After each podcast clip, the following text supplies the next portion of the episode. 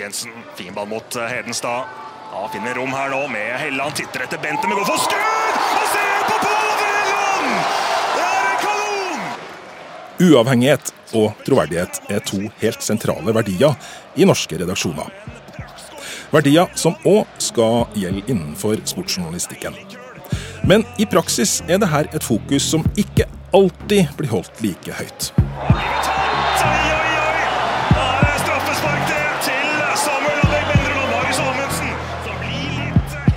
For sjøl om det kampreferatet som du hører her, ble posta av Dagbladet høsten 2017, var dem som laga videoen og den kommentatoren du hørte her, faktisk lønna av Norges Fotballforbund og norsk toppfotball.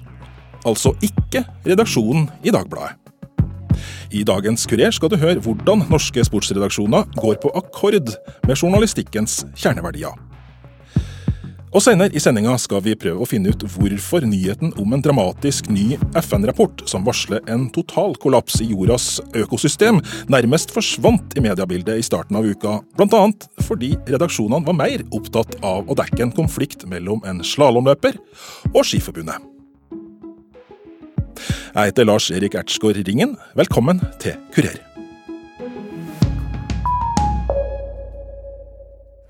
Føler du at nå, nå er det jo 14 år igjen, så vi, vi er jo litt ivrige alle sammen. Føler du at du har, det begynner å sette seg, og du, du ser mer og mer av det du ønsker å se av, eh, av Rosenborg-gjengen? Nei, altfor lite. Altfor lite. Vi har ikke fått bygd på kontinuitet. Vi har hatt folk ute gjennom vinteren og ikke klart å bygge relasjoner. Rett før seriestart i uh, Eliteserien i fotball fikk seerne på Eurosport Norge se det her intervjuet. Kåre Ingebrigtsen hadde et par uker tidligere vært i en bitter rettstvist med sin egen gamle arbeidsgiver, Rosenborg ballklubb, etter at han ble sparka som hovedtrener. Så dukker han altså plutselig opp og intervjuer sin egen etterfølger i trenerjobben, Eirik Horneland. Det fikk mange til å reagere, bl.a. Reidar Solli, som er leder i Norske Sportsjournalisters Forbund. Jo, det skal jo være en redaksjonell avstand og en uavhengighet mellom, mellom intervjuer og intervjuobjekt. Det er jo ganske elementært. Og det, eh, det brytes jo da ganske kraftig i en, en, slik setting. Klassisk eksempel på hvordan det ikke skal, skal være. Særlig i TV-kanalenes dekning av idrett har det de siste par tiårene blitt stadig mer vanlig at sportsutøvere og trenere blir plukka opp som såkalte ekspertkommentatorer. I fotballdekninga er det f.eks. vanlig at arbeidsledige fotballtrenere fort blir plukka opp som medkommentatorer. Førsteamanuensis og medieforsker ved NTNU, Jens Barland, kan godt forstå hvorfor TV-kanalene velger å bruke profilene på denne måten det å få tak i den rette eksperten, det er som et kinderegg for de som skal lage disse medieprogrammene. For det første så får de tak i en ekspert som virkelig kan dette. En som har vært på banen, vært i løypa og, og gjort dette sjøl. Med masse kunnskap. For det andre så har de Kanskje de får tak i en som er kjendis, som allerede har stor publikumsappell og, og kan trekke til seg et stort publikum. Og For det tredje så får de tak i en som allerede er etablert i dette miljøet, som har et stort nettverk, og gjennom det får tak i kilder som er vanskelig for andre å få tak i. Men hvorfor virker det som at eh, sportsredaksjonene ikke er like opptatt av uavhengighet og troverdighet som andre deler av pressa? Knut eh, Helland, som er professor i medievitenskap ved Universitetet i Bergen, tror litt av årsaken er at personlige interesser tradisjonelt har vært en viktig drivkraft for mange innenfor denne journalistiske sjangeren. Jeg tror en skal tenke det at på dette området, som på mange områder, andre områder, kultur, politikk og annet, så har mediedekningen eh, vokst ut fra en interesse. Men hvordan skal vi forholde oss til dette her? En spesiell utfordring i akkurat dette tilfellet, det er når man tar et kjent menneske, en kjent idrettsutøver, det kan være også en kjent kulturutøver, og så setter den i rollen som journalist. Så kjenner publikum allerede denne personen i en annen rolle. Og da kan det være litt vanskelig å forholde seg til at nå er du journalist. Både for den som faktisk skal utøve dette, men faktisk også for seerne og lytterne som er, vant til at denne blir intervjuet. Nå er det den som er intervjuer. Kåre Ingebrigtsens arbeidsgiver, Eurosport Norge, tok sjølkritikk i bruken av sin egen fotballekspert, etter at han for to uker siden kom med krass kritikk av sin tidligere arbeidsgiver i programmet Fotballrunden. Kanalen innrømma i Aftenposten at Ingebrigtsen har gått ut over den rollen han skulle ha på kanalen. Men hvem mener Jens Barland har ansvaret for det som skjedde? Ja, jeg har jo lagt merke til at i debatten om dette så skytes det ofte på disse eh, ekspertkommentatorene. Men jeg har egentlig lyst til å heve blikket litt og si at man øh, kan heller rette kritikken mot arbeidsgiveren, den som hyrer disse og setter dem på denne jobben. For har de gitt disse personene, som jo kommer fra banen, fra forskjellige sportsarenaer, har de gitt dem opplæring i journalistikk? Ikke bare det å snakke godt, men altså også opplæring i hva journalistikk er, ideologi og uavhengighet og distanse og, og kritikk osv.? Eller har de bare blitt satt fram foran kamera for å, å være underholdende. Eh, det kan nesten virke som i noen tilfeller at disse arbeidsgiverne har vist veldig liten respekt for journalistikk som en profesjon, ved at de ikke har gitt disse personene tilstrekkelig opplæring på hva det er de skal drive på med. Fungerende sportssjef i Eurosport Norge, Morten Johannessen, hadde ikke tid til å bli intervjua i dette programmet, men forteller i en e-post at uh, dem som får engasjement som fotballkommentatorer hos Eurosport, uh, får informasjon om hva slags rolle de skal ha før de blir sendt ut på oppdrag. I tillegg blir alle sendinger evaluert i etterkant, forteller han. Medieprofessor Knut Helland mener likevel at Eurosport og ekspertkommentatoren må ta skylddeling i det eksempelet vi har tatt for oss. Nei, jeg syns at her er det dårlig skjønn, rett og slett. Dette er ikke bra, og det er samtidig veldig bra at det er tatt opp. Og så vidt jeg veit etter den siste hendelsen nå, så har vel også de som har ansatt eh, Kåre Ingebrigtsen, de har beklaga dette. At, eh, at det faktisk foregikk sånn som det gjorde. Lederen av Norske Sportsjournalisters Forbund, Reidar Solli, er spent på om beklagelsen fra Eurosport vil føre til noen forandringer i det de gjør på lufta. Jeg håper de tar en eh, intern eh, evaluering som er ganske grundig. Og at de, jeg syns det enkle grepet er at de prøver å unngå at uh, trenere som nettopp kommer fra klubber de av forskjellige grunner er blitt uh, løst fra, at de prøver å unngå å kommentere de, de lagene. Fungerende sportssjef Morten Johannessen i Eurosport skriver det her i en e-post til oss. Jeg siterer. Hvorvidt de vil eh, kommentere tidligere lag eller ikke, vil vi vurdere fra case til case og fra person til person. To tilfeller er aldri like. Sitat slutt. Eurosport holder med andre ord døra på gløtt for at ekspertkommentatorer som jobber for dem, også i framtida skal få kommentere lag de tidligere har trent. Det får førsteamanuensis Jens Barland ved NTNU til å reagere. For ellers i media er det utenkelig å la folk som er inhabile på denne måten få lov til å ta i en sak. Det er jo helt ordinær praksis i seriøse mediebedrifter. Så for meg virker det litt eh, spekulativt at de eh, settes på oppdrag hvor båndene er så åpenbar nære. Professor Knut Helland ved Universitetet i Bergen er enig. Han tror ikke det er tilfeldig at folk blir satt til å dekke de lagene de har et forhold til fra før. Ja, det tror jeg er bevisst. Og, eh, og du kan se to dimensjoner i det her. Altså, det ene er at en har innsikt. At, at, at, disse personene vil ha innsikter i ting som kan være interessant når det gjelder indre liv og annet. Men det, det andre som en jo kan tenke seg i forhold til Kåre Ingebrigtsen, det er jo at Eh, det kan komme litt eh, kontroverser med det her, som kan eh, skape interesse og på den måten bygge produktet sånn som, sånn som de som sender det, ser, ser det.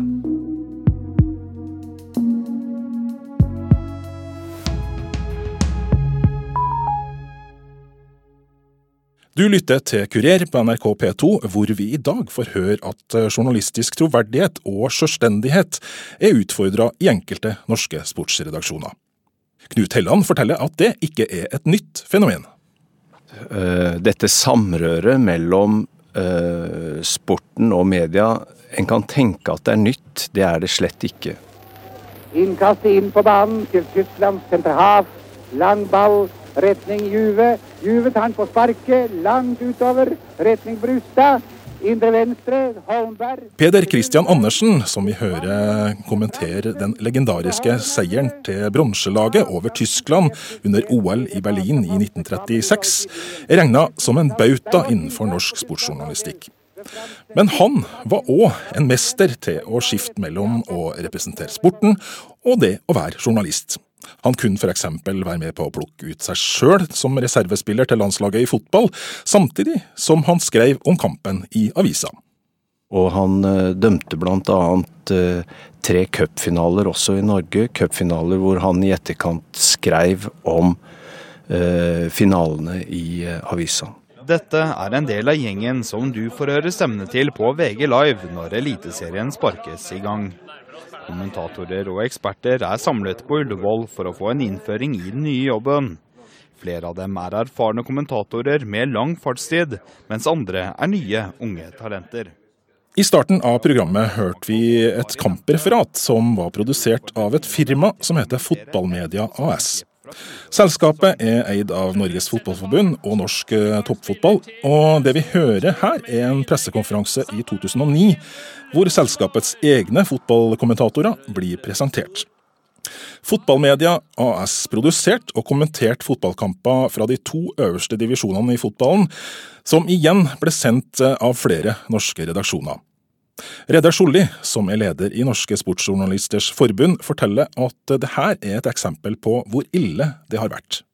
Hele det journalistiske produktet var produsert av Norges Fotballforbund. Eh, og da bare sier det seg selv at utgangspunktet blir helt feil. Men hvordan er det da mulig at det her stoffet ble brukt av seriøse norske mediebedrifter i mange år? Det var vel den tida hvor økonomiske krisene var tyngst i mediene, og man forsøkte å, finne de billigste, billigste løsningene. Fotballforbundet så, så, muligheten å komme, med, komme, opp med et produkt eh, hvor de kunne ha kontroll på alt innhold selv, men det er heldigvis reversert. Reidar Solli, som er leder av Norske Sportsjournalisters Forbund, mener at det nå er viktig å sørge for at det blir mer ordna forhold i sportsjournalistikken pga. den tida vi lever i. Ja, all journalistikk er, er, basert på en, eh, i hvert fall et minimum av redaksjonell avstand mellom, eh, mellom de som eh, mener og skriver, og de, og de, man mener og skriver noe om. At vi er mest mulig fri for bindinger. Og i vår journalistikkens utvikling nå med såkalt content marketing, og hvor disse grensene stadig utfordres, så syns jeg det er viktigere, debatt, viktigere enn noensinne at den debatten er, er tydelig, og at bevisstheten er tydelig. Og at da også både mottakere og, og vi som journalister er, eh, tar opp disse sakene når de dukker opp. Mediaprofessor Knut Helland skjør ingen tegn til noen stor sjølransakelse hos redaksjonene. Det har ikke vært noe opprensing på dette feltet, selv om det kanskje fins en bevissthet om det hele veien uten at det ordentlig blir tatt tak i. Og det som jeg savner, det er en, en eh, debatt ikke om eh, Kåre Ingebrigtsen, men en debatt om dette fenomenet som går så langt tilbake, og hva en har tenkt å gjøre med det i en situasjon hvor det er viktig for de redaksjonelle mediene å både bygge og beholde sin eh, troverdighet. Og før vi slipper dagens første tema her i NRK P2 og Kurer helt, så vil jeg gjerne fortelle et par viktige detaljer. Redaksjonen har forsøkt å kontakte Kåre Ingebrigtsen eh, i denne saken, men vi har ikke fått noe svar fra han. Rosenborg ballklubb har også takka nei til å delta i programmet. Da skal vi videre i Kurer her på NRK P2, for nå skal vi binde sammen landets tre største byer for å diskutere en av de mest interessante mediesakene denne uka. I studio her i Trondheim er Adressas kommentator Terje Eidsvåg sammen med meg. I Oslo sitter Dagbladets politiske redaktør Geir Ramnefjell, og NRK Trøndelags distriktsredaktør Merete Verstad befinner seg kanskje litt overraskende i Bergen. I starten av denne uka offentliggjorde FNs naturpanel en ny omfattende forskningsrapport som viser at en million dyrearter er trua av utryddelse pga. menneskelig aktivitet. Rapporten slår også fast at menneskeheten sjøl kan være trua. Men det var nødvendig å leite godt på forsidene til de store nettavisene i landet for å finne denne nyheten. For mediene var mer opptatt av å skrive om andre ting, spesielt resultatet av en rettssak mellom en slalåmløper og Norges Skiforbund. Den labre interessen for den dramatiske FN-rapporten fikk den kjente svenske miljøaktivisten Greta Thunberg til å reagere. Hun er overraska over at det her ikke er toppsaken hos verdenspressa, og sier at vi ikke har en sjanse om media ikke tar ansvar. Geir Ramnefjell, eh, politisk redaktør i Dagbladet, vi starter med deg. Ville Greta Thunberg vært skuffa eller fornøyd med deres dekning av denne saken, tror du? Nei, Jeg har jobba veldig mye med, med, disse spørsmålene, og vi har også en egen journalist som jobber med, bare med klimaspørsmål og klimasaker. Uh, og jeg tror nok at uh, hvis hun hadde visst det, og hvis hun hadde sett uh, forsiden vår den, den, ettermiddagen hvor den rapporten kom, så tror jeg hun hadde blitt litt overraska og lurt på oi, hva, hva, hva, skjedde her? For vi var nok litt for, litt for, svake da rapporten kom. Hvor viktig er denne nyheten, egentlig? Den er kjempeviktig. Uh, den peker på en annen side ved, eh, ved utviklingen i, eh, i, verden rundt oss når det gjelder klima og naturmangfold, som, som folk ikke er så oppmerksom på ennå. Vi er veldig klar over klimaproblemet etter hvert, og det får eh, ganske god dekning hos oss og hos andre, eh, andre medieaktører. Men dette med tap av naturmangfold det er kanskje ikke noe som har sunket ordentlig inn, og da kanskje heller ikke hos mediene i, i tilstrekkelig, eh, tilstrekkelig grad. Men hva er da grunnen til at dommen som hadde falt eh, i rettssaken mellom slalåmløperen Henrik Kristoffersen og Norges Skiforbund ble prioritert langt foran denne saken? Det har nok sammenheng med det jeg sa, at uh, bevisstheten rundt at naturmangfold er en like stor trussel som klimaendringene i seg selv, og at de også henger sammen med hverandre, at de påvirker hverandre, det er ikke godt etablert i, uh, like godt etablert i befolkningen, og heller ikke blant journalist, journalister flest, tror jeg, som, uh, som klimaendringene. Og, og, det skal jo også sies at den rettssaken mellom Henrik Kristoffersen og Skiforbundet var jo prinsipielt veldig viktig, og også fortjente den dekningen den fikk, da, mener jeg. En gjenganger i norsk pressers dekning av denne nyhetssaken var jo at de fleste brukte NTB sin artikkel og post, posta den på sine nettsider. Hva, hva tror du er grunnen til det? Nei, Grunnen til det var nok eh, rett og slett at um, vi i hvert fall kanskje var for dårlig forberedt på, på den rapporten, og at ikke vi hadde følt at vi hadde en egen vri. For det er vi alltid opptatt av, at når vi skal bruke egne ressurser på en sak, så må vi ha en egen, egen vri på det. Og da satt nok kanskje ikke ideene løst nok til at vi kunne få det på plass uh, den, den, mandagen hvor, hvor rapporten uh, kom. Men vi fulgte jo opp denne saken. Dagen etterpå så hadde vi en svær reportasje fra Runde hvor fuglene bygger reder av plast og, og søppel, som var en, da en eh, direkte oppfølger og, en, og koblet til eh, naturmangfoldsrapporten. Så dette er jo et tema som vi følger opp, eh, følger opp nøye, men den ene dagen når, som den kom, så var vi ikke, var vi ikke på hugget. Terje Eidsvåg, også dere i Adressa starta med en NTB-artikkel om denne eh, rapporten. Det her er en gjenganger når man analyserer mediedekninga. Hvorfor er det egentlig sånn? Eh, hvis du ser på dekninga av denne saken her totalt, så er det et skille. Veldig mange som har skrevet om har brukt uh, eh, NTB. Uh, eh, større aviser med egne fagmedarbeidere skiller seg ut. både Aftenposten og Bergens Tidende har hatt uh, store artikler. Så har det vært en del ledere og kommentarartikler. men Adresseavisa var faktisk min avis, en av de avisene som, som hva skal jeg si, kom på bakken og kunne relatere det her til en lokal sak. Etter hvert så kom det et oppslag knytta til den her vindmøllestriden på Frøya, med en av forskerne fra FN som, som satt det i sammenheng. Eh, men det her er nok en del av medielogikken, tror jeg, fordi at man ikke hadde noen på bakken, eller at man klarte å relatere det her til noe sterkt eh, følelsesmessig. Eh, derfor så gjør en rømt lemur, eller f.eks. den tragedien rundt norsk kvinne som er død av rabies, mye større inntrykk. Men jeg tror nok og håper at norske medier etter hvert vil lage dypere saker om konsekvensene av det her, å gå inn og, og, og, og lage noe mer enn den type NTB-saken. og det der tror jeg flere av de store norske mediene faktisk vil bruke denne rapporten her, og komme opp med mer viktig journalistikk rundt det her på sikt. Det er i hvert fall mitt både håp øh, og tro.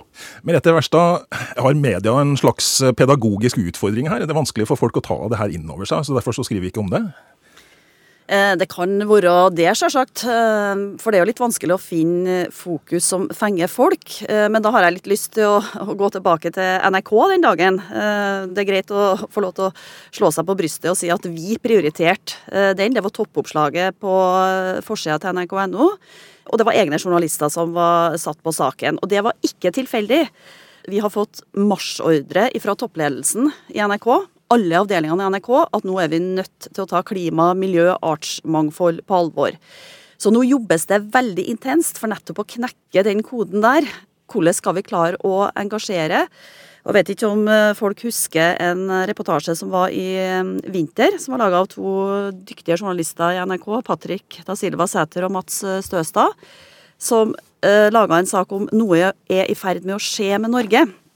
Og der gikk de tett på akkurat det som skjedde her og nå. Ikke sånn skremselspropaganda om hva som kan skje eh, om 50 år.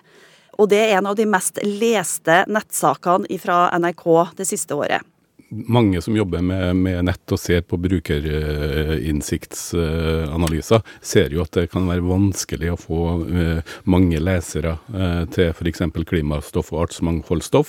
Men det betyr jo ikke nødvendigvis at man velger å ikke satse på det, men, men utfordringa er da å gjøre det så godt, sånn som NRK gjorde i det tilfellet som Merete snakka om. og da trenger man mer tid også. Så jeg tror det at denne rapporten her kom i starten av uka, og at man at det ikke var breaking news der og da, eh, er også et eksempel på at eh, den gode journalistikken eh, trenger litt tid for å både eksemplifisere og gjøre det her interessant, levende for folk flest.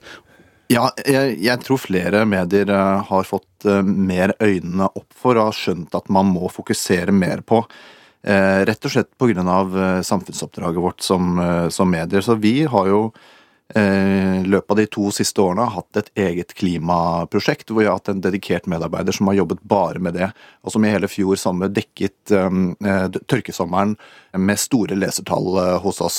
Så det er ikke noe nødvendigvis noen logikk det at bare det handler om klima og miljø, så gidder ikke folk å bry seg om det. Dette er et engasjement som vokser ute blant leserne og befolkningen, og noe som mediene også ser at folk bryr seg om. som som vi har stor, stort Eh, gjennomslag med, men som, eh, men som selvfølgelig er avhengig av at det er journalistisk interessant og som vinkles og gjøres relevant for folk. Jeg tror vi avslutter med en kjapp runde mellom Trondheim, Bergen og Oslo. Har Greta Thunberg et poeng når hun sier at media har et ansvar som eh, verden står og faller på? Selvfølgelig så har jeg et poeng, og det er bra at hun er utålmodig. Men jeg tror nok, eh, som Geir Ramnefjell her sier, at, at uh, media blir mer og mer klar over at det her er viktig, og at det her er også uh, det startskuddet. Den FN-rapporten var startskuddet for mye journalistikk som, og mye god og engasjerende journalistikk som kommer til å komme. Det er jeg helt sikker på. Ja, selvsagt har jeg et poeng, men jeg føler meg veldig trygg når jeg bare hører denne samtalen her. Eh, store mediehus som nå sier at vi skal satse på det, og det tror jeg kommer til å skje. Og jeg tror det er viktig at vi også tenker litt konstruktiv journalistikk, ikke bare skremselspropaganda. Eh, det å leve miljøvennlig betyr ikke at man skal leve som på 1800-tallet. Jeg tror også at dette her er eh, altså at medienes rolle i, i dekningen og i i hele eh, bevisstheten rundt miljø- og klimaproblemene er helt, eh, helt avgjørende. Eh, selv om miljø- og klimautfordringene kan virke overveldende og nærmest uoverstigelige, så viser jo forskning at det er fullt mulig å håndtere det. Det som mangler, er politisk, politisk vilje, og det er avhengig av at folk engasjerer seg og bryr seg. Mediene kan vise hvordan. Deltakerne i kurerpanelet denne lørdagen var politisk redaktør i Dagbladet, Geir Ramnefjell, distriktsredaktør Merete Wærstad fra NRK Trøndelag og kommentator Terje Eidsvåg i Adresseavisa. Produsent for denne sendinga var Randi Lillealteren og tekniker Torbjørn Bjerkan, og jeg heter Lars Erik Ertsgaard Ringen.